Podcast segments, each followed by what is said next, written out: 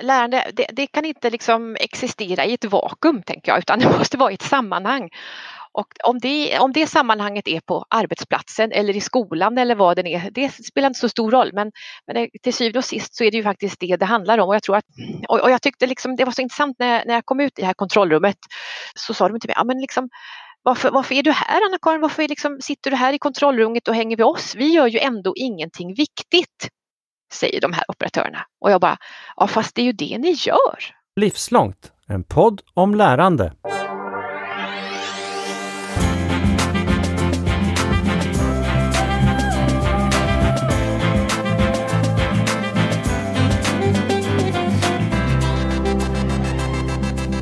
Innovation och lärande ska vi prata om idag, Lars. När känner du dig mest innovativ?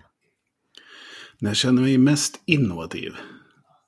Man ska vara helt ärlig så är det nog faktiskt när jag lyckas få mina barn att göra som jag vill. Hur mycket innovation kräver det?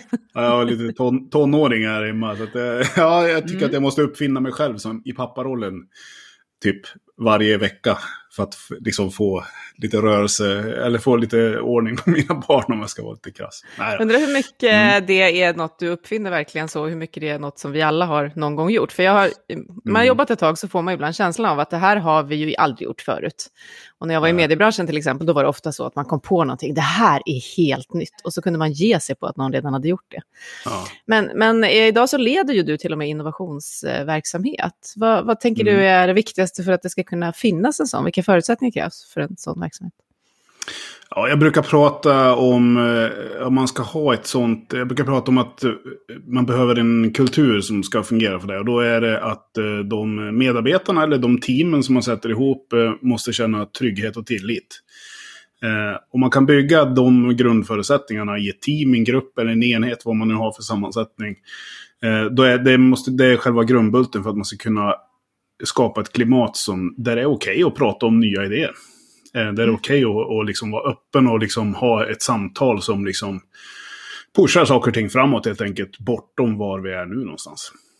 Det känns som att det där kan du använda som förälder också, vill jag bara säga. Ja, det här är en av de här små nötterna som vi har att knäcka i vår lilla vardag, du och jag, Lars Lingman, och jag som heter Katarina Pietschak. Och tänk då att försöka skapa det där klimatet för hela Sverige och vara Sveriges innovationsmyndighet, för det är veckans gäst, eller i alla fall en del av den. Välkommen Anna-Karin Ramsten på Vinnova. Tackar! Vem är du mer än en del av Vinnova och, och vad gör du där? Berätta lite för oss. Eh, ja, min roll på Vinnova är att vara områdesledare för det nya området som heter kompetensförsörjning på Vinnova. Vinnova har ju sedan nyår då tio stycken strategiska områden varav ett är kompetensförsörjning. Och jag leder det arbetet där. Ja, och i allmänhet, varför finns Vinnova? Var, varför behöver vi en innovationsmyndighet och en kraft på det sättet skulle du säga? Eh, ja, men Sverige har ju sedan eh, länge, sedan många år haft en, en fantastisk idé om att vi liksom tillsammans faktiskt kan eh, Eh, jobba för forskning och utveckling och ha haft det där sambandet liksom nära, nära politikområden som arbetsmarknadspolitik och näringspolitik och industripolitik och har gått, gått hand i hand. Och jag tänker att det är där man tidigt insåg liksom att eh, med statliga medel vara där oljan i maskineriet Eh, att det är den som får liksom lite risktagande, att eh, företag ska våga testa nya saker eh, där man kanske själv inte ser ännu att man kan liksom räkna hem de här produkterna eller tjänsterna. Det är där vi ska vara och hjälpa till och stötta så att man liksom vågar ta det där steget. Tänker jag. Det är det. Olja i maskineriet, pengar tänker jag. Mm. Ja, och när du, går, när du pratar om det och, och, går igång med det, då ser man att det händer någonting med, med hela dig. Vilken är din egen drivkraft i det här? Eh, jag, jag, går nog tillbaka till eh, faktiskt när jag, när jag gjorde min, min avhandling. För jag tänker att det är, den tänker jag ofta tillbaka till. Eh, jag har spenderat ett antal månader i en liten bruksort utanför Örebro eh, där man tillverkade eh, byggmaterial. Och jag kan säga att de månaderna lärde jag mig oerhört mycket. Jag såg liksom där att ja, i det här liksom kontrollrummet satt de här operatörerna eh, som hade varierande bakgrund ingen hade gått på högskola eller någonting sånt där. Utan det var ju liksom människor som hade jobbat under lång tid, eh, yrkeserfarna eh, personer. Eh, och det här företaget hade ju då också varit liksom världsledande på att göra ny innovation, nya byggmaterial. På, på 50 och 60-talet så var man världsledande det här lilla bruksföretaget som, som startar utanför liksom Örebro. Och jag tänker att och det, tänk att när jag satt där i liksom det här kontrollrummet med de här processoperatörerna och så kom labbchefen in och så diskuterade de. Ja men hör du Torsten, när du gjorde det här och du liksom, när du såg det här och de, när vi provade de här liksom, eh, eh, råvarorna eller när vi gjorde det eller när vi gjorde det. När man såg den där liksom interaktionen och sen liksom, liksom det var ju det som gjorde att det blev nya produkter. Det var ju det som var liksom produktutvecklingen, att det fanns det nära sambandet. Och jag tänker för mig är ju det faktiskt innovation, att det där, man måste liksom göra det ihop. Man måste göra det tillsammans. Det krävs olika slags människor och olika, olika slags kompetenser. Och jag tror att det är det som är eh, viktigt att komma ihåg. Mm. För jag tror att innovation kan inte uppstå liksom bara sådär. Det finns ett sammanhang tänker jag. Vad säger den där situationen där på det där företaget dig? Du sa att man inte gått på högskolan och så, ändå var man världsledande ja. såklart. Eh, att, inte, att inte det behöver ha ett samband. Men vad säger det dig om livslångt lärande, eftersom vi nu pratar i podden livslångt? Eh, det, det säger mig att jag tänker att idag så har vi, det, det, är så lätt idag att vi tänker att livslångt lärande blir liksom något abstrakt, någonting som är något annat än vad vi gör i vardagen. Och jag skulle säga att det är ju det det inte är. Skulle jag. Utan det här, det är ju det som sker faktiskt varje dag på våra arbetsplatser, i skolan. Så. Sen så är det ju så att man behöver liksom ibland se att ja, men här behöver vi utöka och då kan man behöva liksom lära sig fler saker och så. Men i, i den, det här, man måste liksom förstå att det här lärandet det är ju liksom handlar om, det är en social aktivitet där vi lär oss ihop och vi liksom går framåt och vi gör det tillsammans. Det är liksom det där, att vi gör det tillsammans. Så tänker jag. Ja, men, eh, ja, det tycker jag var jätteintressant reflektion där. För en sak som eh, jag har funderat lite grann på det är, eh, vi får mycket frågor som hur man bygger upp en lärande organisation. Det är en sån sak som är mm. på mångas agenda. Och det är också ett sånt där begrepp som kommer nu, lärande organisation, jättestarkt. Och många som jobbar med HR och så, men också chefer och ledare funderar mm. mycket kring det här. Mm. Och och jag, jag tänker nog att ehm, ja, det finns några goda grunder för det också i forskning och så vidare. Det här med att det första steget förmodligen är att alltså, få syn på det lärande som redan sker, men som vi inte har satt ord på. Eller ens har liksom identifierat att det sker, utan vi tar det bara som vårt vanliga dagliga arbete. Men just det där med att kunna integrera lärandet i det dagliga arbetet. Eh, istället för att när man tänker lärande, då blir det gärna att man tänker utbildning, precis som du säger. Men det, fin- det mm. pågår ju otroligt mycket lärande på alla arbetsplatser. Och bara genom att synliggöra, skapa ett språk för det och liksom bygga lite mm. kultur kring det. Då har man tagit mm. ett riktigt kraftfullt första steg till att bygga den organisationen tror jag. Så man kan... Mm. Jätteintressant exempel där från, mm. från bruksorten. Nej, men jag, ja, nej, men jag tänker också att liksom, lärande det, det, kan inte liksom existera i ett vakuum, tänker jag, utan det måste vara i ett sammanhang. Mm. Och om det, om det sammanhanget är på arbetsplatsen eller i skolan eller vad det är, det spelar inte så stor roll. Men, men till syvende och sist så är det ju faktiskt det det handlar om. Och jag tror att eh, och jag tyckte liksom det var så intressant när, när jag kom ut i, i, i det här kontrollrummet så, så, så sa de till mig, ja men liksom varför, varför är du här Anna-Karin? Varför liksom, sitter du här i kontrollrummet och hänger med oss? Vi gör ju ändå ingenting viktigt. Mm. Säger de här operatörerna. Och jag bara, ja fast det är ju det ni gör. Titta mm. här! Det här det här händer ju. Ni bidrar ju till det här. Så att, precis som du säger, att få syn på att man är en kugge i hjulet, det gör ju också liksom att de känner sig bara, jaha, kan man tänka på det på det här sättet? Det gjorde ju också mm. att de gick därifrån och liksom kände, ja men jaha, men det här har vi aldrig, vi har aldrig tänkt på det mm. på det här sättet. Så jag tänker att man måste också liksom hjälpa människor. För det här liksom att vi ska analysera vad vi gör i vår egen vardag, det är inte så himla lätt. Jag tänker, jag är, inte så bra på det själv. Mm. Men... Nej, det är frågan hur man gör det. Det brukar jag tänka på. Hur registrerar jag att jag har lärt mig någonting? Gör jag det eller förstår jag det bara i efterhand? Så? Mm. Men, men det att, behovet att få syn på det här lärandet och, och att utveckla det och ta hand om det hur, i samhället, eftersom nu alla pratar om livslångt lärande. Hur märker du av det behovet i din vardag? Jo men det, det, tycker jag liksom att det har blivit. Det har ju, eh, vi ser ju liksom av, av många olika anledningar att, att eh, vi har ett, liksom ett, ett, ett, utbildningssystem som och vi har många utbildningsformer i Sverige och det är ju det som är så fantastiskt med Sverige, att vi har så många olika utbildningsformer. Vi har allt liksom från grundskola, gymnasieskola, vi har folkbildning, vi har yrkeshögskolan, eh, vi har högre utbildning. Alla de här formerna har vi ju av en anledning och de har ju vuxit fram och vi ser ju att där ska det ju finnas någonting för alla att man kan haka i och känna, ja men i den här, den här utbildningsformen eller det här liksom, den här typen av liksom kurser eller fortbildning passar just mig. Och jag tänker att det är det som är så viktigt att se att vi får med alla på tåget. För då kommer vi också kunna ha den där spetsen. Och vad som är spetsen och vad som är nya produktioner och nya innovationer, ja det vet vi ju inte. Det vet vi ju först i efterhand och jag tänker det är därför jag brukar gå tillbaka till det här liksom, i det här kontrollrummet. Där satt de och dividerade kring. Ja men om vi nu ska göra en nytt byggmaterial som ska ha den här hållfastheten, vad behöver vi göra då i liksom, material? Alltså det är ju där det där sker.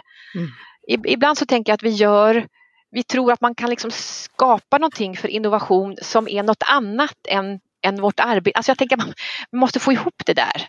Att det, måste, det, det är liksom en del av det. Men det är inte säkert vi ser det på det sättet som vi kallar för innovation. Det är ett nytt begrepp. Alltså vi har ju haft forskning och utveckling under lång tid. Så. Och jag skulle säga att det, det är ju mm. det där att få ihop det med liksom det vardagliga där.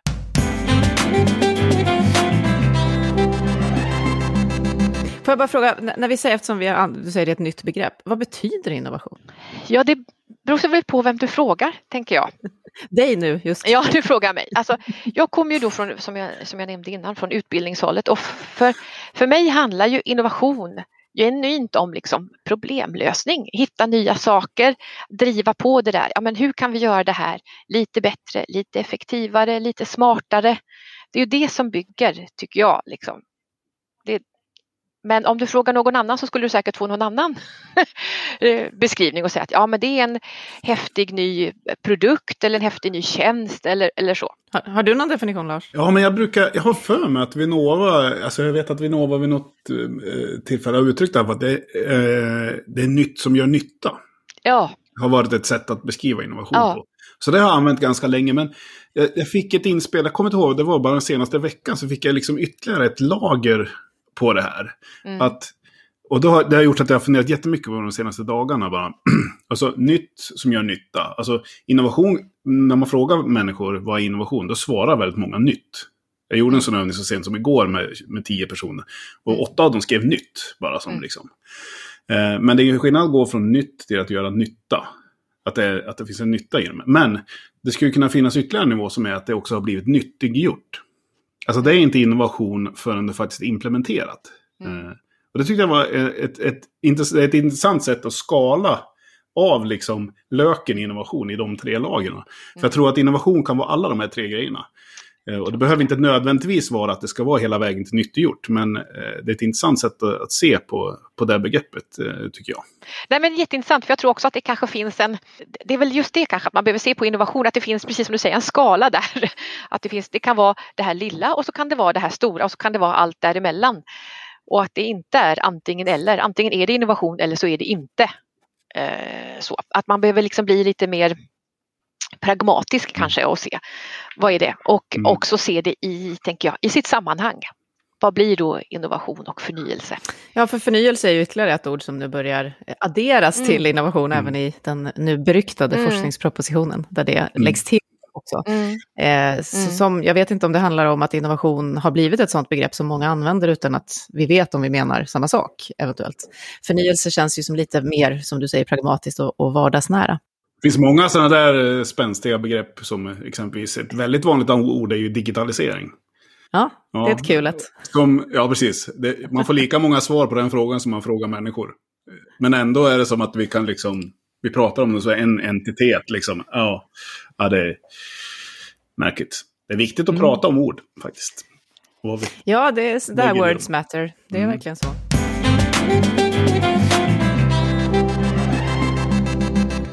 Men eh, då när vi kommer tillbaka till ditt kontrollrum igen där så berättade du hur de pratade med varandra. Vad var det vi gjorde som mm. fungerade och vad behöver vi lägga till och sådär. Och det är ju ett lärande. Det kan vi ju verkligen som du säger se i efterhand och så. Till Vinnova så ansöker ja. man ju om att försöka göra ett innovativt projekt i många sammanhang. Hur tittar ni just efter lärande som faktor då när man ska se vilka projekt ska vi satsa på med de här oljepengarna? Ja, alltså jag, jag, tänker att lärande, det är ju inte liksom, lärande är ju inte man kan liksom inte skära ut det som en del av utan man får se det liksom, vad, vad händer här? Sker det någon typ av förflyttning, tänker jag, av det här området eller av företaget eller så. Det är väl liksom det. En riktning, en, en förflyttning, det är det man egentligen, tänker jag, vill åstadkomma. Att man blir lite mer medveten om de här sakerna som man gör och på vilket sätt man gör saker. Jag tänker det är väl egentligen det som är, och det är väl det som är utmaningen, att beskriva det i förväg. Men man behöver ha någon uppfattning om vad är det riktningen och förflyttningen som vi behöver göra. Vart, vart hän ska vi liksom? Den behöver man ju ha klart för sig. Så. Sen ser den ju väldigt olika ut inom olika områden. Det där är otroligt spännande tycker jag, det du säger nu, att vi behöver en riktning, men vi vill samtidigt inom innovation vara så kallat iterativa, alltså testa oss fram och upprepa för att ja. få fram nya resultat ja. och så. Eh, och ja. agila, ett annat ord om vi nu ska prata ord, alltså flexibla i någon mm. mån. Eh, ändra mm. oss utifrån vad som händer längs vägen och så. Hur får man ihop det där? Mm. Du säger precis det du säger, det är svårt att beskriva i förväg. Eh, hur, hur kan mm. vi tänka kring innovation och förnyelse? Jag vet inte om, om du har tänkt kring det. Nej men jag, jag eh, går nog tillbaka till det här kontrollrummet igen. Alltså jag tänker att det gäller att ta de där små stegen, pröva, funkar det här? Nej det funkar inte. Nej okej, ja, men då får vi gå hem och göra någonting nytt. Och jag tänker det är väl det som gör, tills man kommer till, en viss, till ett visst stadium där man ser att ja, nu kan vi skala upp. Och jag tänker det är väl det som, som sker. Jag tänker på de här stora satsningarna som nu sker i Oxelösund, SSAB med stål och hybrid och alla. Jag menar, det är ju inte så att det här har skett över en natt utan det här har ju varit, man har ju jobbat liksom stegvis, systematiskt. Vi ser att det här behöver hända och det här behöver göras. Och hur gör vi, hur testar vi oss fram för att till slut komma till ett sätt att okej, nu, nu kan vi gå upp i full skala. Och jag tänker det är det där som man behöver ha i åtanke att, och den där vägen är ju inte, det är ju sällan en motorväg eh, utan det kan ju vara allt annat än det. Men, men det är det man behöver också ha lite och jag tänker det är där Vinnovas roll är, att komma in och, och, vara, och stötta där så att man faktiskt vågar ta de där eh, riskerna eh, och våga testa även om man tänker att egentligen låter det här ju helt galet. Men om det skulle gå så skulle det vara helt fantastiskt. Och det är ju det som jag tycker är Vinnovas roll, att vara där då och känna, ja men titta här, det här är bra, mm, vi testar. Så. Och det är ju inte alltid det går bra och, och, så kan det ju inte vara heller. Men, men jag skulle säga att det finns väl inte någonting som är misslyckat projekt utan man lär ju sig alltid någonting. Sen får man liksom, ibland får man damma av sig, okej, okay, ja det här gick inte, ja nej, då får vi backa lite och så får man tänka. Men man, man har ju gjort insikter och lärdomar som man tar med sig i nästa steg sen. Så, så det är ju inte, vad ska man säga, det är inte liksom bortkastade pengar på det sättet utan på, liksom en, på en kollektiv nivå så lär vi oss mer och blir mer insiktsfulla.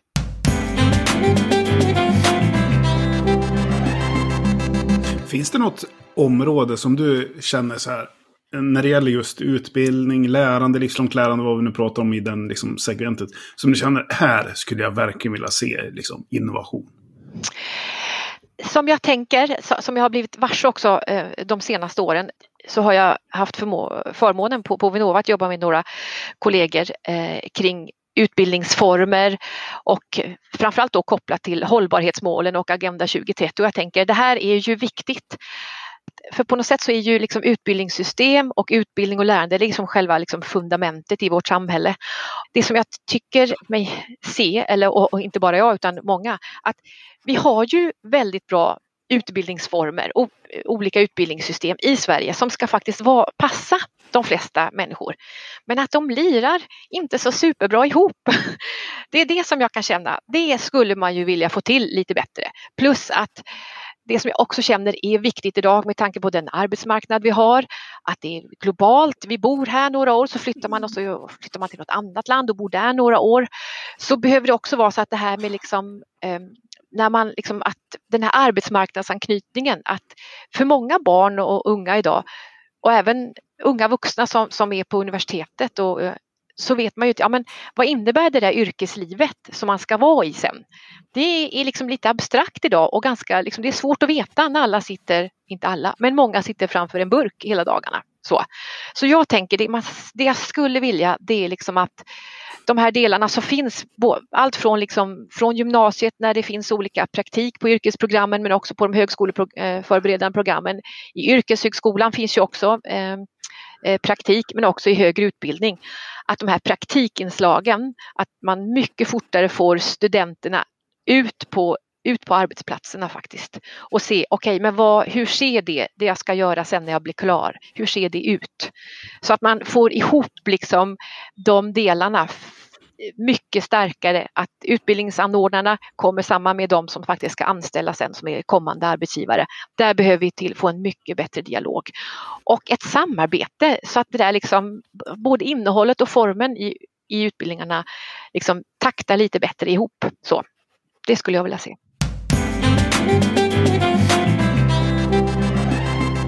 Vi är ju inne, det är roligt när man leder den här podden för det återkommer vissa mönster. Det här som du säger är det ju fler som är inne på och ser så. Ja. Samtidigt finns det också en, en slags eh, eh narrativ i det här som handlar om att ska all utbildning, lärande och bildning vara till för arbetsmarknadens behov?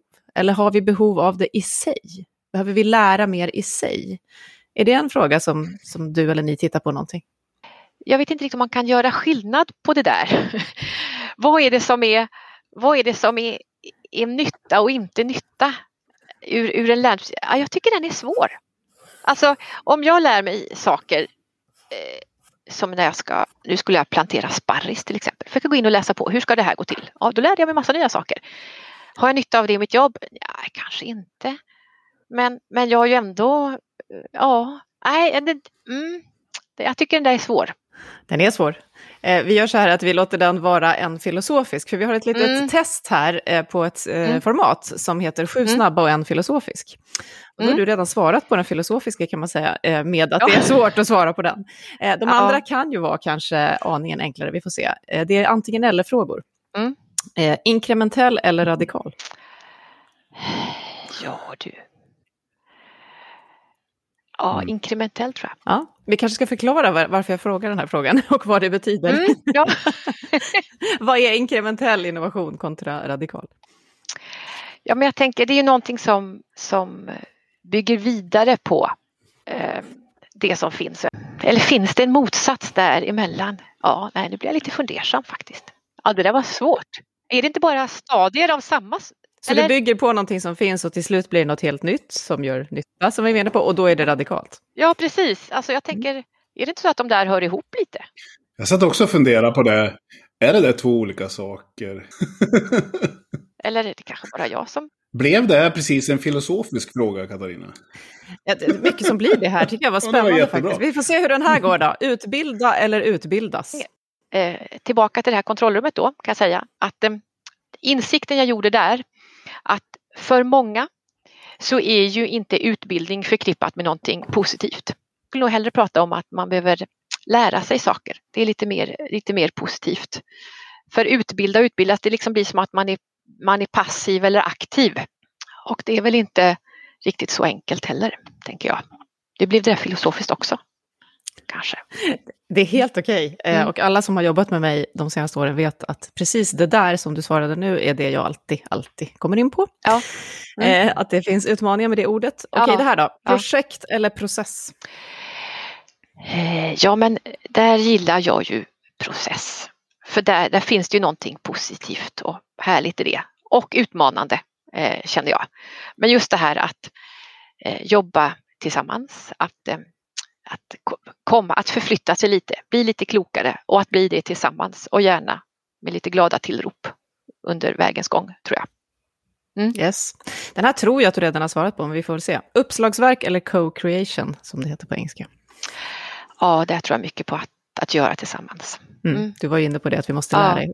Jag tror det är viktigt. Mm. Memorera eller söka information? Eh, alltså jag tänker att det där, man behöver ha både och har man inte liksom grundkunskaperna, ja då kan du heller inte ta några kliv framåt, tänker jag. Och man måste också veta var ska man söka de där kunskaperna. Mikrolärande eller 130 universitetspoäng? Ja, där skulle jag också säga att, jag, jag, säger att olika människor behöver ha olika saker. Och det viktigaste är att man inte eh, dömer och säger att det ena är bättre än det andra. För det, är, det skulle jag påstå, det är, är nog att det där, vi tenderar att säga att det ena är lite finare än det andra. Nej, så är det nog inte skulle jag påstå, utan vi har olika, vi har olika liksom, sätt att lära oss och eh, det måste man eh, bejaka och eh, uppmärksamma. Eh, för det, det, är liksom, det är liksom i kombinationer och på totalen av många som det blir bra. Om du har en som är liksom universitetsutbildad och de andra ändå inte förstår, då kommer det ändå ingenstans, tänker jag. Hands-on eller instruktionsbok? Ja, alltså det här med instruktionsbok har jag svårt för, måste jag säga. Vad förvånad ja. jag blir utifrån dina ja, filosofiska svar. Ja. ja, men jag har en man som är ingenjör så att vi brukar ha en uppdelning där. Mm. Jag har aldrig ställt den så, frågan till ja. dig Lars, hands-on eller instruktionsbok. Läser du instruktionsböcker du som gillar att packa upp nya grejer Lars? Alltså jag, jag gillar faktiskt instruktionsbok. Ja, det är så oväntat. ja, jag är en komplex individ. Nej, men jag, jag, jag gillar det faktiskt. Jag är lite anhängare av instruktionsbok. Jag, jag, liksom, jag tror det kommer av att de har monterat Ikea-möbler. Där man har stött på någon så när, för det blir så, om man inte följer instruktionsboken slaviskt, då, då kommer det att bli fel. Liksom. Så där, det var där någonstans jag liksom, eh, hamnade i instruktionsboksvängen. Så nu kan jag, jag kan uppskatta en bra instruktionsbok. Faktiskt. Grattis till dig då som förstår de instruktionsböckerna, Lars. Mm. Jag tänkte vi var inne på eh, lärande organisationer och hur de märks egentligen, vad det är och så. Det är också en fråga vi återkommer till ofta i den här podden. Om vi då byter ut organisation mot samhälle här avslutningsvis, vad, vad tänker du då? Hur ska vi kunna bli ett ännu mer av lärande genomsyrat samhälle, ett lärande samhälle? Vi är väl det, skulle jag vilja påstå. Vi är ju det. Men det är kanske mer att vi börjar prata om det på det sättet. Eh, och jag tänker att det som jag tycker är viktigt här det är väl liksom att man ser till att man att vi får liksom både att vi har både bredd och spets tänker jag. Det är nog det som jag tänker är det viktiga. Och för, och för Sveriges del är det ju liksom om man jämför med många andra länder så har vi ju en, en utbildningsnivå som är bra eh, om man jämför med många andra länder. Så att eh, vi har ju goda förutsättningar där, eh, tänker jag, att ta oss vidare. Sen har vi ju i Sverige utmaningar, det har andra länder också. Ehm, så. Men, men jag, jag tänker att eh, kan vi göra det här tillsammans så tror jag att det eh, kommer bli bra. Men det är inte utan utmaningar. Det var en sak som jag, som jag som ploppade upp i mitt huvud. Vi hade ju Cecilia Bjursell eh, från en cell här för, för några avsnitt sedan. Och jag vet att ni har jobbat en del ihop tror jag, Anna-Karin. Ja, precis. Och i samband med det, eh, inför Cecilia, så läste jag en rapport som ni har skrivit, eh, ett paper eh, som heter Innovativ utbildningssamverkan för livslångt lärande. Tänkte, och då, där i så fanns det fallstudier. Den såg så här innovativ, hur lärosäten eller behovsägare hade varit innovativa i samspel och så här. Och lite tillbaka till kontrollrummet där. Men det var ett otroligt intressant där ett Eh, högskolan hade genomfört kurser i ett gjuteri. Alltså om jag minns rätt. Kan det vara så? Ja. Och då funderar jag så här, okej. Okay, vad, vad, är innovativt i högskolevärlden? Alltså, vad, vad är, är det där ett sånt där bra? Det fanns fler, det var jätteintressanta fallstudier i. Ja. Finns det andra eh, sådana här? Alltså, jag tyckte det var så intressant att läsa om dem. Här. Alltså jag tycker att ehm, eh, där är ju eh, just Jönköping ett, ett föredöme faktiskt. De har ju på sin just liksom eh, utvecklat både liksom gjort en, liksom, vad ska man säga, en modell och metodutveckling av sin högre utbildning. Där man faktiskt har då, alla ingenjörsutbildningar har en, en kurs som är näringsförlagd praktik som man faktiskt gör ute på företagen. Och den här har gjort då att man har liksom samlat både arbetsgivare, studenter och högskolan och tillsammans så gör man de där kurserna och de har ju genererat jättemycket. Dels liksom får studenterna en inblick i liksom kommande arbetsliv. Den här kursen börjar liksom första terminen. Eh, plus att företagen har fått en dörr in till högskolan som de inte hade. Så. Eh, en möjlighet att säga, jaha, jobbar ni med det här? Mm, men eh, så, kan vi göra de här sakerna ihop? Det har också liksom öppnat upp och bygga relationer. Plus att eh, det, det, finns ju också utvärderingarna som visar liksom att lärarna också har blivit så här, jaha, är det de här problemen som företagen gör, har? Så det har ju också påverkat. Så att den där liksom dubbelriktade processen, det är den som jag tänker är så viktig. Att vi får till den där rörligheten mellan utbildning och arbetsliv i en högre grad. För jag tror att det är, är nyckeln till att vi ska lyckas. Och jag tror att det gäller alla utbildningsformer om man ska vara helt ärlig. Så. Och där mm. tror jag man måste liksom, med ett år med pandemin så tror jag vi har eh, ännu mer utmaningar eh, kring det området. Så, där vi behöver liksom tänka efter, ja, men hur, hur ska vi jobba framöver? Hur ser arbetslivet ut? Så. Mm. Om jag sammanfattar det här samtalet så är eh, det ganska tydligt att eh, det behövs inte antingen eller, utan det behövs både och. Nej. Och att lärande och innovation är ingenting som är något annat, som du har sagt, utan det är inbyggt i allt det vi gör. Har vi uppfattat dig mm. korrekt då? Ja, och det handlar ju om människor tänker jag. Till syvende och sist handlar det om människor. Och då måste människor vilja och liksom vara med på tåget. Det är liksom det det handlar om, tänker jag. Mm. Stort tack, Anna-Karin Ramsten på Vinnova, för att du var med i Livslångt. Tack. Tack så mycket.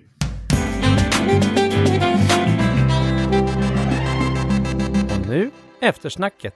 Spännande filosofiskt samtal med en myndighetsrepresentant. Det kanske inte är det man föreställer sig innan så, men Vinnova är ju också en innovationsmyndighet. Vad, vad fick du med dig från det här samtalet? Då? Ja, men jag tycker det är så...